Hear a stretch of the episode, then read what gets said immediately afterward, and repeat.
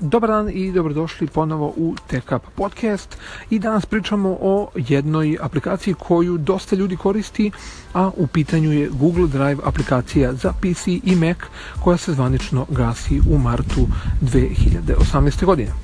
Aplikacija Google Drive za desktop, naravno koja već e, postaje zastarela, će zvanično biti ugašena kako je Google objavio na njihovom zvaničnom blogu. Podrška zvanično će prekinuti da e, funkcioniše 11. decembra, a aplikacija će se naravno potpuno isključiti 12. marta 2018. godine.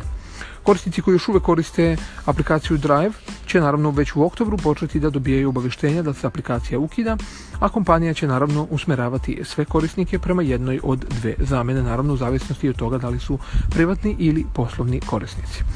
Google Drive naravno servis ne ide nikuda, tako da ćete još uvek moći da pristupite putem weba i naravno sa aplikacijom vašeg mobilnog uređaja, vašim podacima koje imate sačuvane. E sad, Google ima naravno dva nova e, alata za pravljenje rezervnih kopija podataka ili ti pristupanja e, datotekama da u takozvanom cloudu. Prva je naravno e, aplikacija Backup i Sync, koja je zapravo sveobuhvatna aplikacija koja zamenjuje samostalne aplikacije Google Drive i Google Photos Uploader. To je jako bitno da zapamtite. Nudi u osnovu istu funkcionalnost kao i Google Drive, a radi i na praktično isti način.